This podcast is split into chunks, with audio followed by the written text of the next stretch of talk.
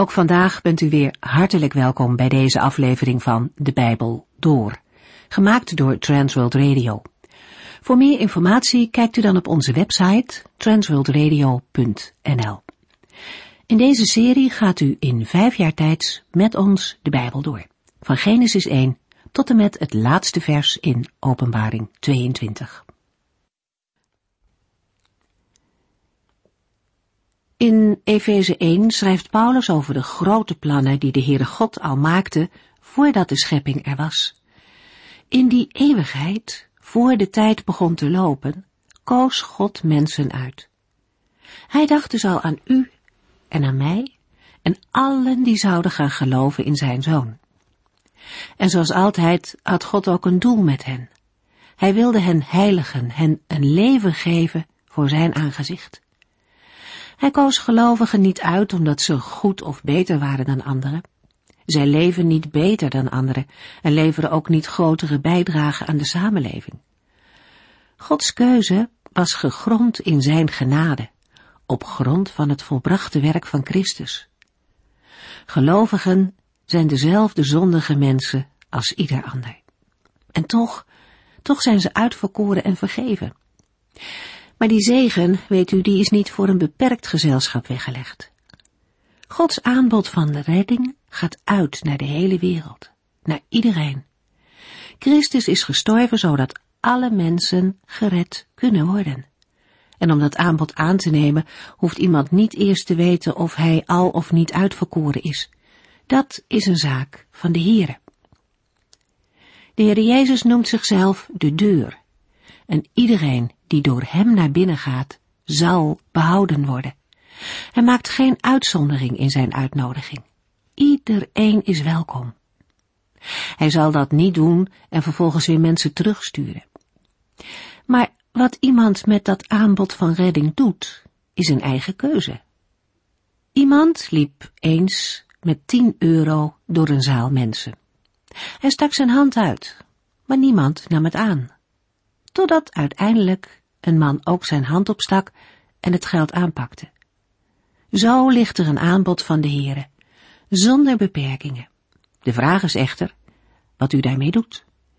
En wat de uitverkiezing aangaat, zoals de vorige keer werd gezegd, als een mens door Gods genade naar binnen mag gaan, zal hij of zij ontdekken dat er aan de binnenkant van de deur naar de hemel staat. Al voordat de Heere de wereld maakte, heeft hij u uitgekozen. U, die één met Christus bent. Nog even terzijde, ook Israël is door de Heere verkozen. Er is echter een onderscheid. De gemeente van Joden en niet-Joden werd al in de eeuwigheid uitgekozen. En het volk Israël is in de tijd uitverkoren. We gaan nog even verder met dit onderwerp in Efeziërs 1 vanaf vers 5. In de vorige uitzending kwam de uitverkiezing aan de orde. In deze uitzending gaan we daarop door. Efeziërs 1 vers 5.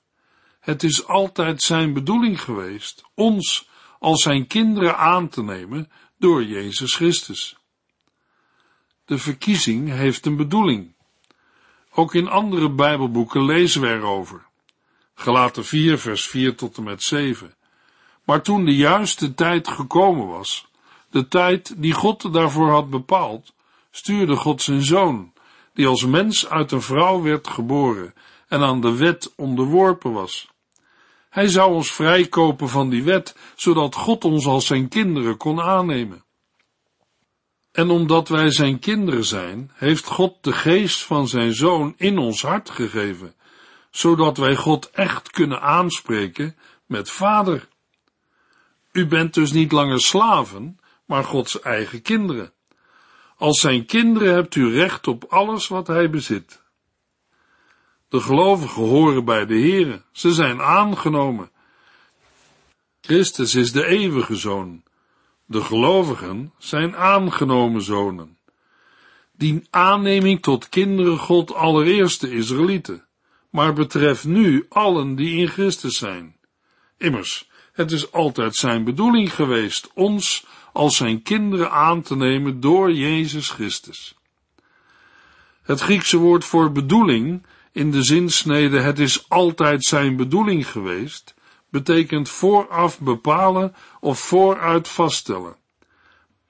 Daarmee gaat het om van tevoren of vooraf iets of iemand tot iets bestemmen, voorbestemmen. In het Nieuwe Testament is God degene die voorbestemt. Hij kan iets voorbestemmen tot een zeker doel.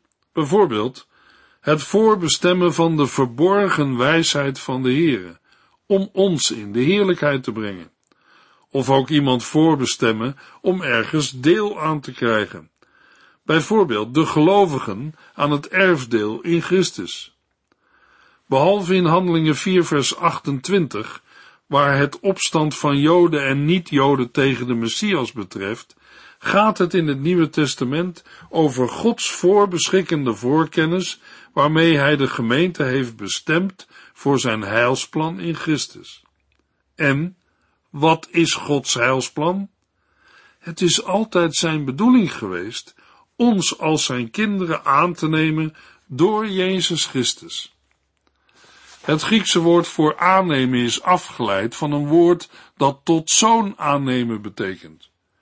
Oorspronkelijk is het een juridisch begrip dat aangeeft dat iemand aan een ander de titel en rechten van een zoon geeft.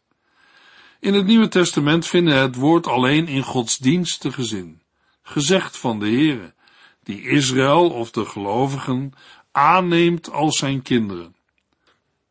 Laten we Efeziërs 1 vers 5 en 6 nog een keer goed op ons laten inwerken. Het is altijd zijn bedoeling geweest ons als zijn kinderen aan te nemen door Jezus Christus, opdat wij hem zouden prijzen voor zijn onovertroffen genade. En hij heeft ons door zijn geliefde zoon laten ervaren hoe buitengewoon goed hij is. Als we deze beide versen een aantal keren hardop voorlezen, dan komt in het licht van de woorden uit vers 4, God heeft ons uitgekozen, de vraag op, hoe kan het toch dat bij een aantal gelovigen die de Heere lief hebben, het woord uitgekozen of verkiezing zoveel angst en schrik teweeg brengt? De vraag, kunt u zingen van de verkiezing, zullen ze met nee beantwoorden. In Deuteronomium 29 vers 29 lezen we, er zijn geheimen die de Heer uw God u niet heeft geopenbaard. Maar deze woorden, die hij wel heeft geopenbaard, moeten wij en onze kinderen voor altijd gehoorzamen. Mozes en het volk Israël staan in Deuteronomium 29 vers 29 op het punt om een grens over te steken. Israël om de grens over te steken die de woestijn scheidt van het land Canaan, en Mozes die van aarde en hemel. In verband daarmee houdt Mozes een aantal toespraken ter afscheid. We vinden zijn toespraken op schrift gesteld in het Bijbelboek Deuteronomium, het boek van de herhaling van de wet van God. Mozes houdt bij zijn afscheid het volk de geopenbaarde woorden van de Heere voor. Zo moet Israël leven, ook in het beloofde land. Min of meer onverwacht spreekt Mozes dan de woorden uit Deuteronomium 29. Geheime of verborgen dingen, daar lopen we allemaal wel eens tegenaan. Laat ik je met betrekking tot de Heer een aantal noemen. Christenen beleiden dat God de wereld regeert en onderhoudt, maar wij begrijpen er niets van. Wat gebeuren er ontzettende dingen in de wereld? Veel mensen vragen, als er een God is, hoe kan hij dat allemaal toelaten? En, is er wel een God? Gods regering is voor ons mensen een geheim, een verborgenheid. Een ander punt is oorlog. Wij mogen als gelovigen rustig zeggen dat God tegen de oorlog is. We lezen in de Bijbel dat de Heer een God van vrede is. Intussen wordt er in de wereld overal oorlog gevoerd, in het groot en in het klein. En die oorlogen gaan niet buiten Gods regering om. Hoe klopt dat met elkaar? De oorlog is tegen Gods wil, maar moeten we aan de andere kant zeggen, de oorlog is naar Gods wil? Er mag geen oorlog zijn en toch moet er blijkbaar oorlog zijn? Het is voor ons een raadsel, een geheim. Gods wil is voor ons mensen vaak een verborgenheid, een geheim. Zo kunt u het ook in uw eigen leven ervaren. U zult wel eens willen weten waarom u nu precies die levensweg langs moet. U was zo graag een andere gegaan. Een weg met wat meer rozen en wat minder dorens. Maar u krijgt er geen antwoord op. Uw vraag blijft een geheim, een verborgenheid.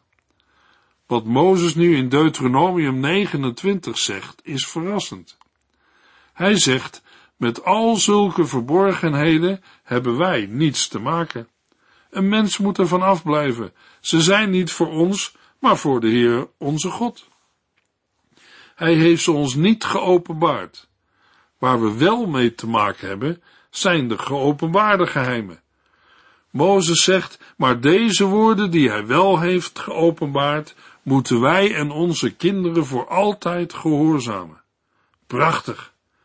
Het lijkt mij dat wij aan de geopenbaarde woorden van de Heere al meer dan genoeg hebben. Immers, Israël, maar ook wij als gelovigen zijn geroepen om deze geopenbaarde woorden van de Heere altijd te gehoorzamen. Wij moeten ons leven ernaar richten, eruit en erna leven, iedere dag weer. Mozes spoort in Deuteronomium 29 aan om in plaats op geheimen die de Heer niet heeft geopenbaard, al onze aandacht te richten op de dingen die de Heer wel openbaarde, zijn woord, de Bijbel. Zou de Heer niet juist dat hebben geopenbaard wat wij nodig hebben? Wat heeft dit met de verkiezing te maken? Nou, in ieder geval de vraag, waar hoort de verkiezing nu bij? Hoort de verkiezing tot de geheimen van God?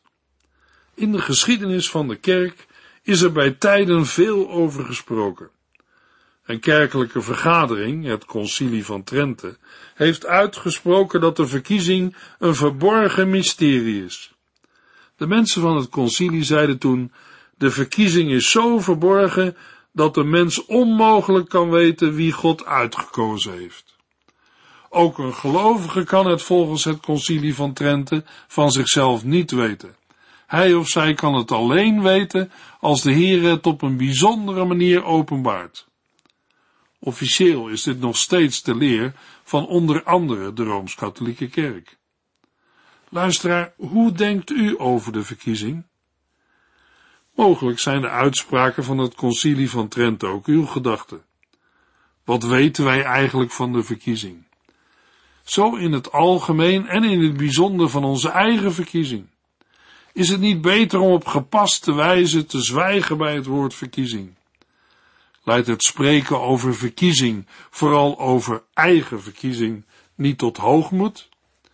Het heeft er alles van weg dat de verkiezing tot de niet geopenbaarde verborgenheden van God behoort.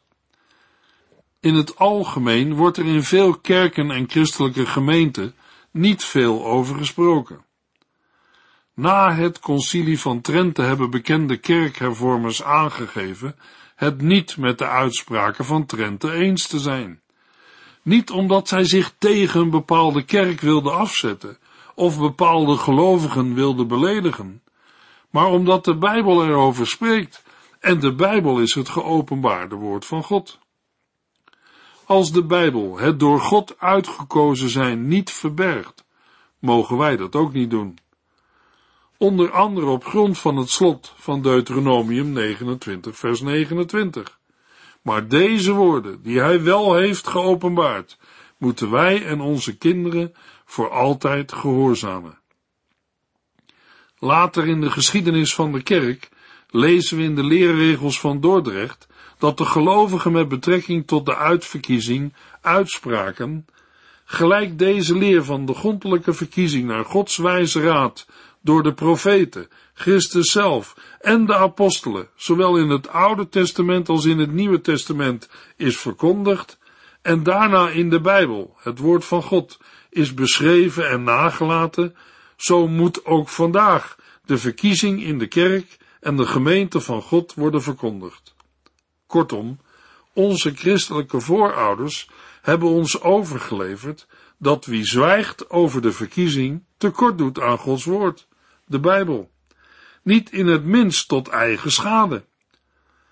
Veel gelovigen hebben het met de verkiezing moeilijk. Ze worden er angstig van. Stel dat ze niet door de Here zijn uitgekozen.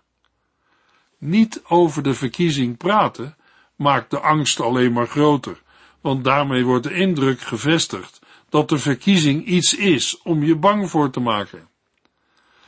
Als we geloven dat de verkiezing tot de geopenbaarde dingen behoort, betekent dat nog niet dat alles rond de uitverkiezing nu even duidelijk en doorzichtig is.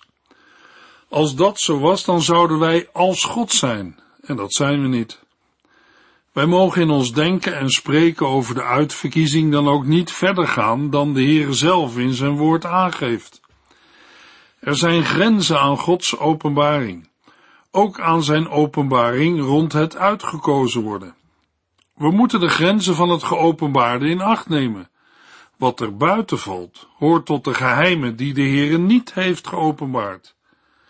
Wij mensen moeten niet wijzer willen zijn dan God.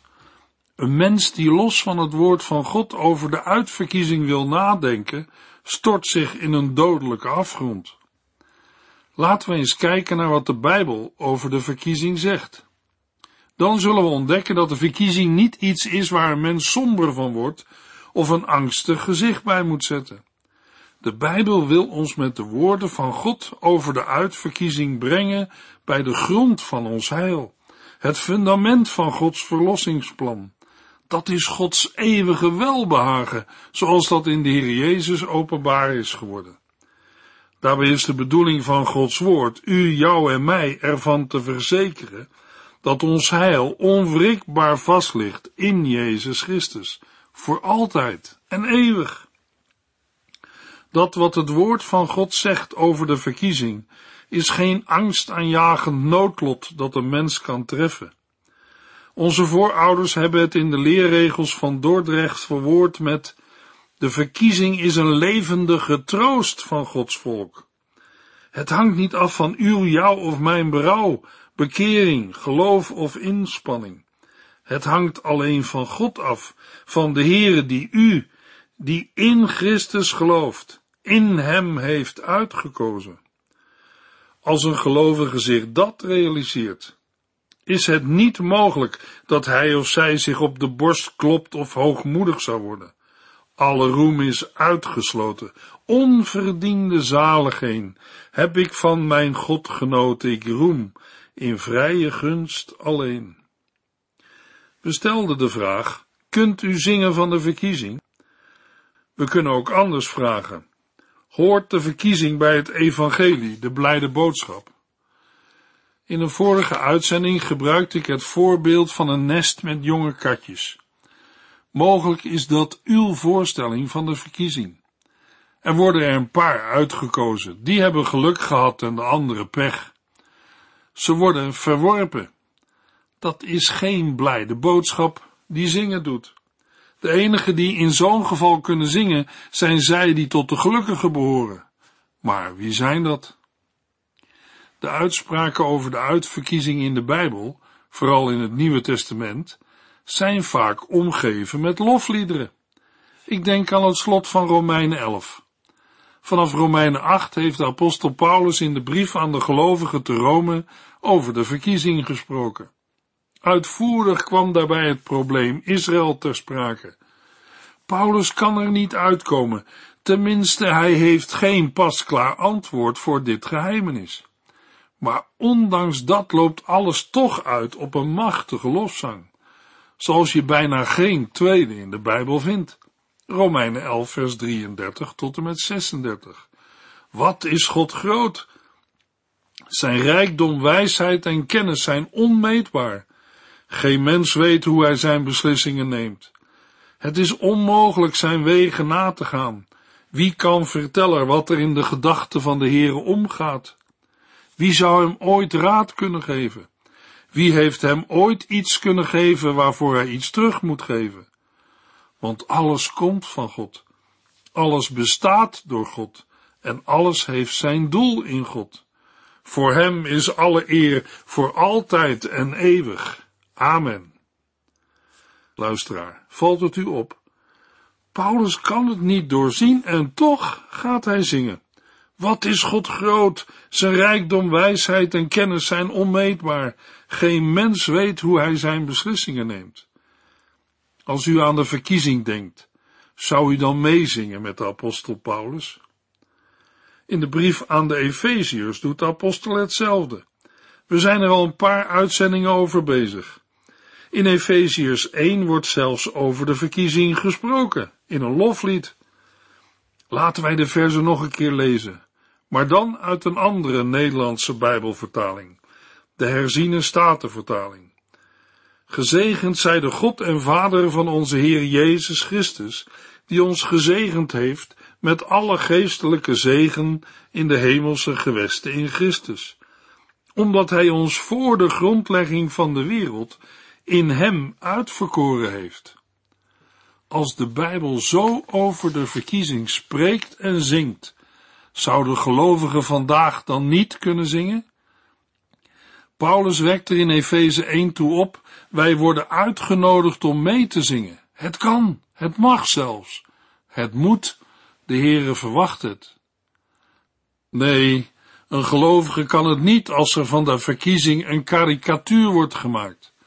Gelovigen kunnen het ook niet als ze gaan graven in zichzelf. In zichzelf vindt de gelovige niets wat hem of haar doet zingen. Of het moest een klaagzang zijn over eigen schuld en zonden. Laten we maar goed lezen. De Heere verkiest in Christus. Wij die één met Christus zijn, heeft God voordat hij de wereld maakte, uitgekozen. In de Griekse grondtekst van de brief aan de Efeziërs vinden we in hoofdstuk 1 in de versen 3 tot en met 13 steeds in verschillende variaties de woorden in Christus, in Hem en in de geliefde. Daarmee zegt de apostel ook dat de verkiezing heeft plaatsgevonden in Jezus Christus. Laten we daarbij bedenken wat we lazen in Romeinen 9, vers 15 en 16. Denk maar eens aan wat hij, de Heere, tegen Mozes zei. Ik ben genadig voor wie ik genadig wil zijn. En ik ontferm mij over wie ik mij wil ontfermen. Het hangt er dus niet van af of u graag wilt of erg uw best doet. Nee, het hangt af van God, die het goede met ons voor heeft. Luisteraar, gelooft u de Heere op zijn woord? Hij heeft het goede met u voor. Gelooft u dat? De Heer is genadig voor wie hij genadig wil zijn.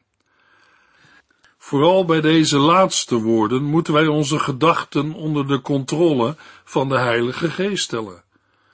Een mens is zomaar geneigd om de Heere van willekeur te beschuldigen, of te denken dat de Heere zomaar een aantal mensen uitkiest en de rest verwerpt. Maar dat zijn gedachten die de Bijbel ons niet laat zien. Romeinen 8 vers 28 tot en met 30. Eén ding weten wij. Voor wie hem liefhebben laat God alles meewerken voor hun bestwil. Want hij heeft een plan met hen. Hij heeft altijd geweten wie hem zouden liefhebben. En hij bepaalde ook dat die mensen zijn zoon zouden weerspiegelen. Want hij wilde dat zijn zoon de eerste en belangrijkste van vele broers zou zijn. Maar God heeft allen die daartoe bestemd waren ook geroepen. En hij heeft hen ook rechtvaardig gemaakt. Meer nog, hij heeft hen ook in zijn schitterende heerlijkheid opgenomen. Als Gods verkiezing heeft plaatsgevonden in Christus, dan zegt dat allereerst dat de verkiezing allerminst iets geheimzinnigs is. Het is niet waar dat God ondanks Jezus Christus nog wat achter de hand heeft gehouden, namelijk zijn verkiezing. Het is niet waar dat achter Jezus, zoals Hij tot ons komt in het Evangelie, de verkiezing ligt als iets onzekers, iets donkers, iets dreigends.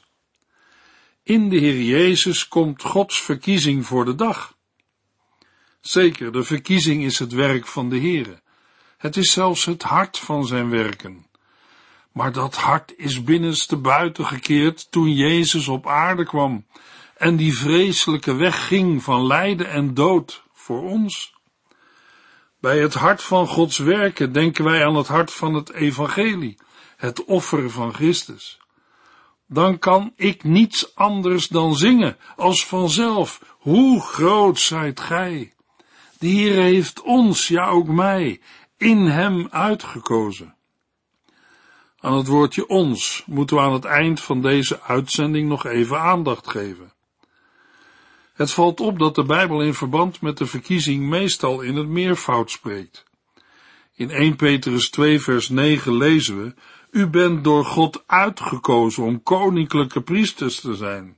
Mensen die voor God zijn afgezonderd, om overal te vertellen hoe goed en groot Hij is, die u geroepen heeft om vanuit de duisternis naar zijn heerlijk licht te komen.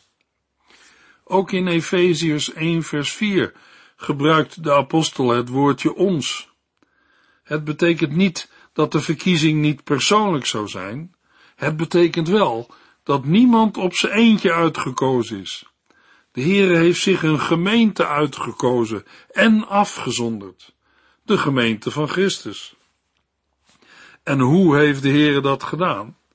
Door de prediking van het evangelie. We lazen in Romeinen 8, maar God heeft allen die daartoe bestemd waren ook geroepen. Gods roepstem wordt ook vandaag nog gehoord in de verkondiging van zijn evangelie, de prediking van een gekruisigde Christus. Tot de zekerheid van de verkiezing komt de mens niet door innerlijke stemmen of door bepaalde ervaringen. Het komt ook niet op een briefje uit de hemel vallen. Het staat in Gods grote brief, de Bijbel, het evangelie van Jezus Christus. In hem heeft de Heer altijd de bedoeling gehad om ons als zijn kinderen aan te nemen.